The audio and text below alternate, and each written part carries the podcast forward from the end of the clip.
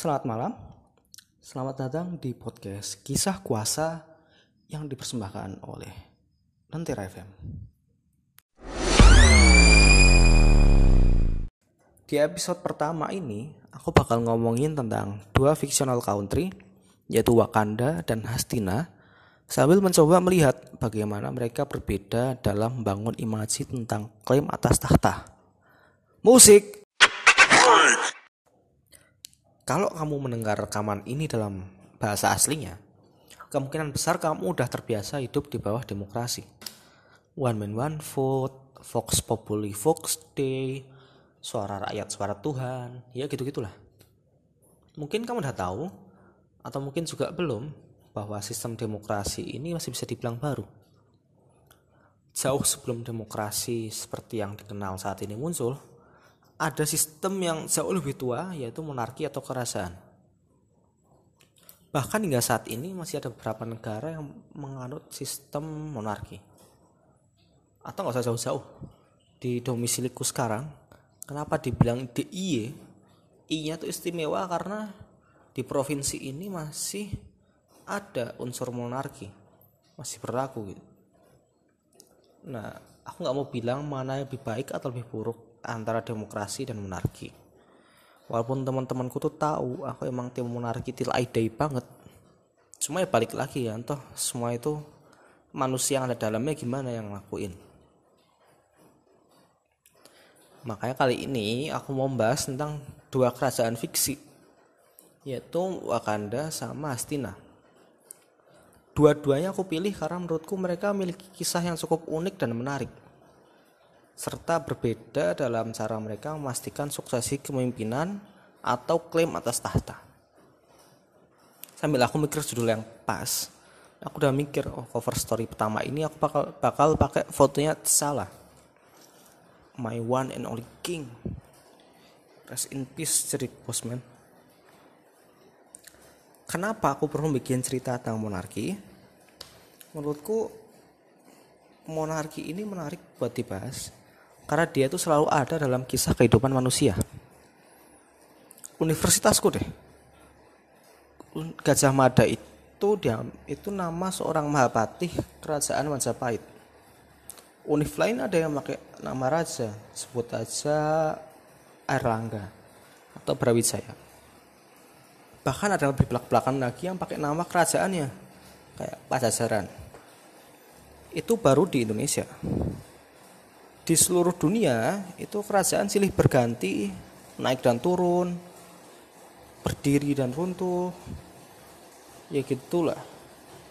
Terus ada kaisaran Cina kaisaran Jepang Romawi British Empire. Terus yang baru-baru ini viral Sunda Empire. Itu ada ya. Kerajaan itu ada di semua tempat dunia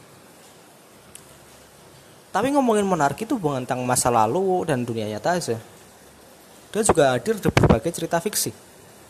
Game of Thrones misalnya, atau yang habis aku tonton tuh Dune, dia juga intergalactic empire. Star Wars juga gitu. Like novel Cina yang aku baca juga hampir semua itu settingnya kerajaan. Cuman yang perlu diakui kalau cerita itu kebanyakan menyorot monarki dalam sudut pandang negatif biasanya mau bobroknya raja atau sistem yang berlaku monarki kelihatan kayak jelek banget makanya di sini Wakanda itu menarik.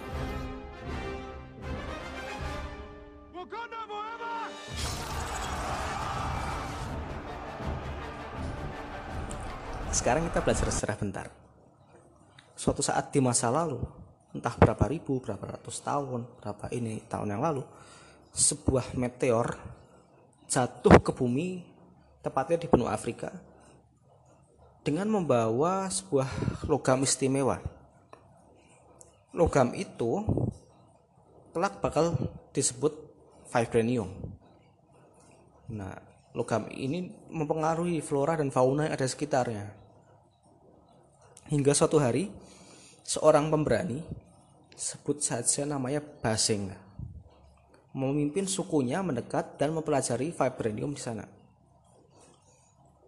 atas arahan dari Dewa Bas, dia juga menemukan sebuah tanaman berbentuk hati yang ketika dikonsumsi membuat dia memiliki kemampuan di atas manusia lain.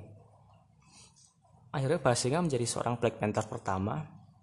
Dia juga memimpin Wakanda, apalagi dukung dengan vibranium, menjadi negara yang jauh lebih maju dibanding negara mana pun di dunia. Kisah tentang negara yang maju dan nggak kelihatan kayak Wakanda ini sebenarnya di Indonesia juga ada. Kayak ada namanya kota Saranjana nanti kamu cari aja di Google. Itu juga konon kabarnya dia tuh megah banget kotanya. Cuman kita balik lagi ke Wakanda ya. Menarik ya. Meskipun teknologinya maju itu rupanya corak kerajaan Wakanda ini masih kental dengan unsur tribalisme. Jadi masih ada suku-suku di sana kalau kamu nonton filmnya itu nanti di situ ada dilihatin ada oh border tribe border tribe ada river tribe American tribe royal tribe ya gitu gitulah itu masih banyak suku-suku bukan satu garis keturunan gitu. Nah tiap tahun nanti di Wakanda itu ada namanya challenge day. Di hari itu semua suku nanti bisa ngirim perwakilan buat mencoba merebut klaim atas tahta nanti mereka tarung gitu kan.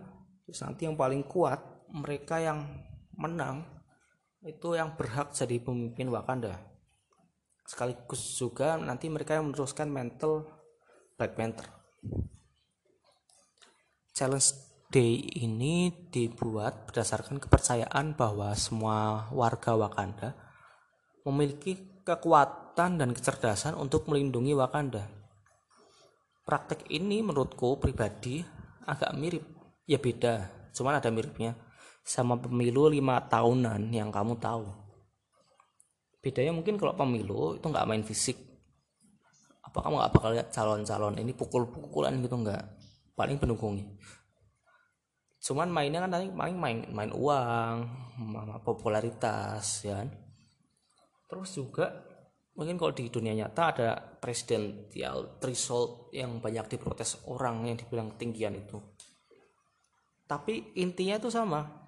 Masing-masing suku atau partai nanti ngirim calonnya buat jadi pemimpin. Ya nanti mereka gimana caranya berebut. Nah itu dulu buat Wakanda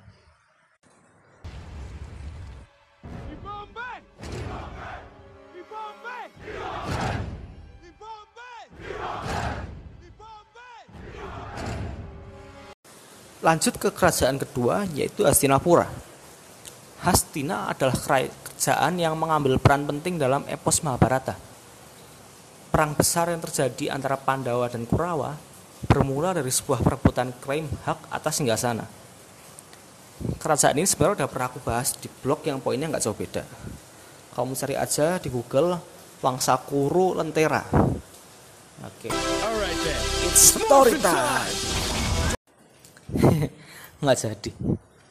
Sebenarnya aku pengen ngasih ilustrasi cerita biar mantep. Cuman takutnya nanti kepanjangan. Terus kayak melebar. Terus jomblang juga sama bahas tentang Wakanda. Nah, nggak usah. Berbeda sama Wakanda yang tahta itu dapatkan secara asif atau diperjuangkan dapatkan gitu. Di Astina itu tahta sendiri sifatnya ascribe atau bawaan lahir aku ngelihatnya ya dalam pandanganku tuh Astina menganut patrilinealisme and strict one at. Jadi garis keturunan diwariskan dari ayah ke anak laki-laki. Urusan tahta juga sama dari ayah ke anak laki-laki. Walaupun bukan berarti anak pertama juga yang auto diangkat jadi raja, tapi ya anak laki-laki. Beda sama Wakanda yang bisa dipimpin sama perempuan. Di Mahabharata itu ceritanya kalau kamu lihat dan kamu baca kalau kamu baca atau kamu nonton wayang atau kamu nonton serialnya itu sebenarnya setelah terah Barata itu kan udah bisa dibilang kelar ketika Wicitrawirya tewas. Wicitrawirya itu putra Santanu sama istri keduanya Dewi Setiawati. Ya sebenarnya masih ada Bisma. Tapi kan Bisma udah sumpah nggak bakal nikah nggak bakal punya keturunan. Biar bapaknya tadi bisa nikah sama Setiawati terus gimana kalau udah kayak gini? Nah ternyata di situ ada adat istimewa yang sudah dirancang buat menangani masalah tersebut. Namanya Niyoga Prata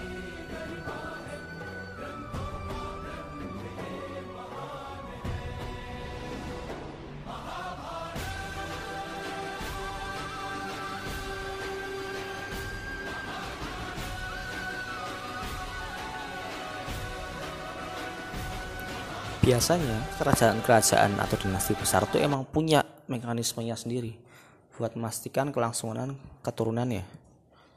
Salah satu contoh yang ekstrim itu di Game of Thrones. Jadi Wangsa Targaryen apa kakek neneknya Daenerys sama Jon Snow juga kakek neneknya itu kerap kali melakukan perkawinan darah biar darahnya tetap murni. Contoh lain ya yang enggak se ekstrim itu biasanya cuman yang normal-normal aja nih. Biasanya ya cuman raja punya selir biar nanti dia bisa punya anak laki-laki. Tapi apa yang terjadi kalau raja yang mandul atau nggak bisa punya keturunan? Nah di sini Yoga Prata mainkan perannya. Menurut adat ini, sang istri bisa melakukan hubungan suami istri dengan pria lain demi mendapatkan keturunan. Dan maksudku hubungan suami istri itu bukan nyicil KPR bareng, bayar listrik, bayar gas gitu enggak. Ya, you know what I mean lah.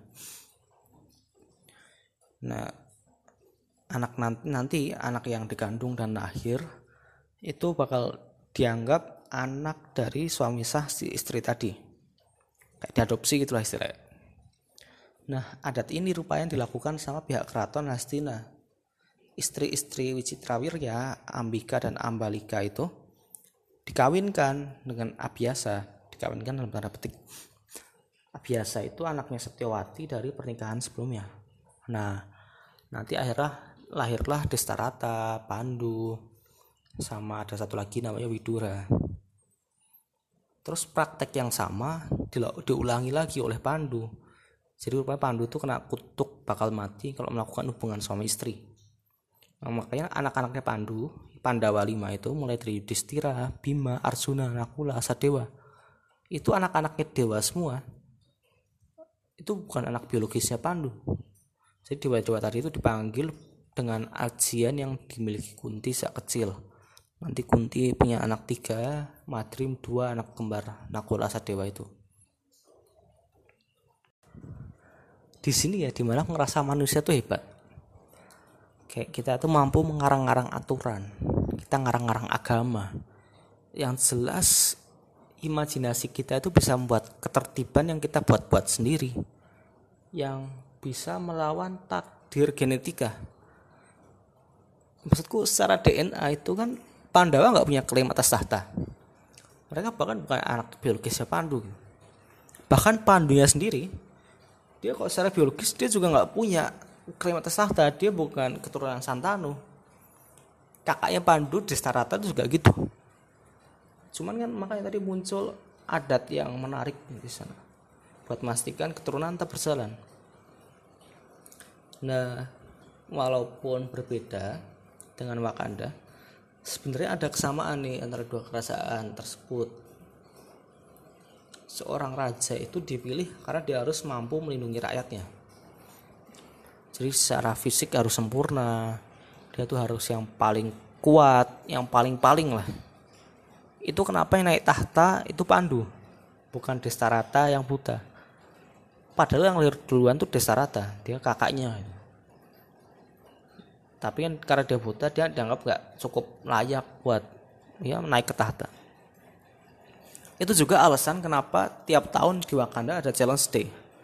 Buat memastikan gitu loh, oh yang saat ini memerintah, dia itu masih yang paling kuat, dia itu masih sanggup melindungi Wakanda dari luar, dari masalah yang ada di dalam. Nah, terus menariknya, kalau kamu nonton di film Black Panther, itu ditunjukin waktu mau tarung, nanti si petahana atau Black Panther yang saat ini dia minum ramuan buat menetralisir tanaman bentuk hati yang bikin dia kuat tadi. Jadi pertarungan itu imbang. Nggak ada kok ceritanya petahana dia pakai mobil dinas buat kampanye, terus bagi-bagi sembako, pakai APBD, cuma dikasih fotonya. Itu nggak ada. Fair, tarungnya fair. Udah kita kuat-kuatan apa yang kita punya itu kita nggak pakai resource negara gitu istilah buat mempertahankan sahabatan itu aja buat episode ini. Semoga kamu suka dan terhibur atau kamu dapat ilmu yang berguna bagi bangsa dan negara. Kalau kamu suka dan mau mendengarkan episode-episode selanjutnya bisa di follow kalau nggak suka DM aja ntar kita ketemuan terus skip bang oke makasih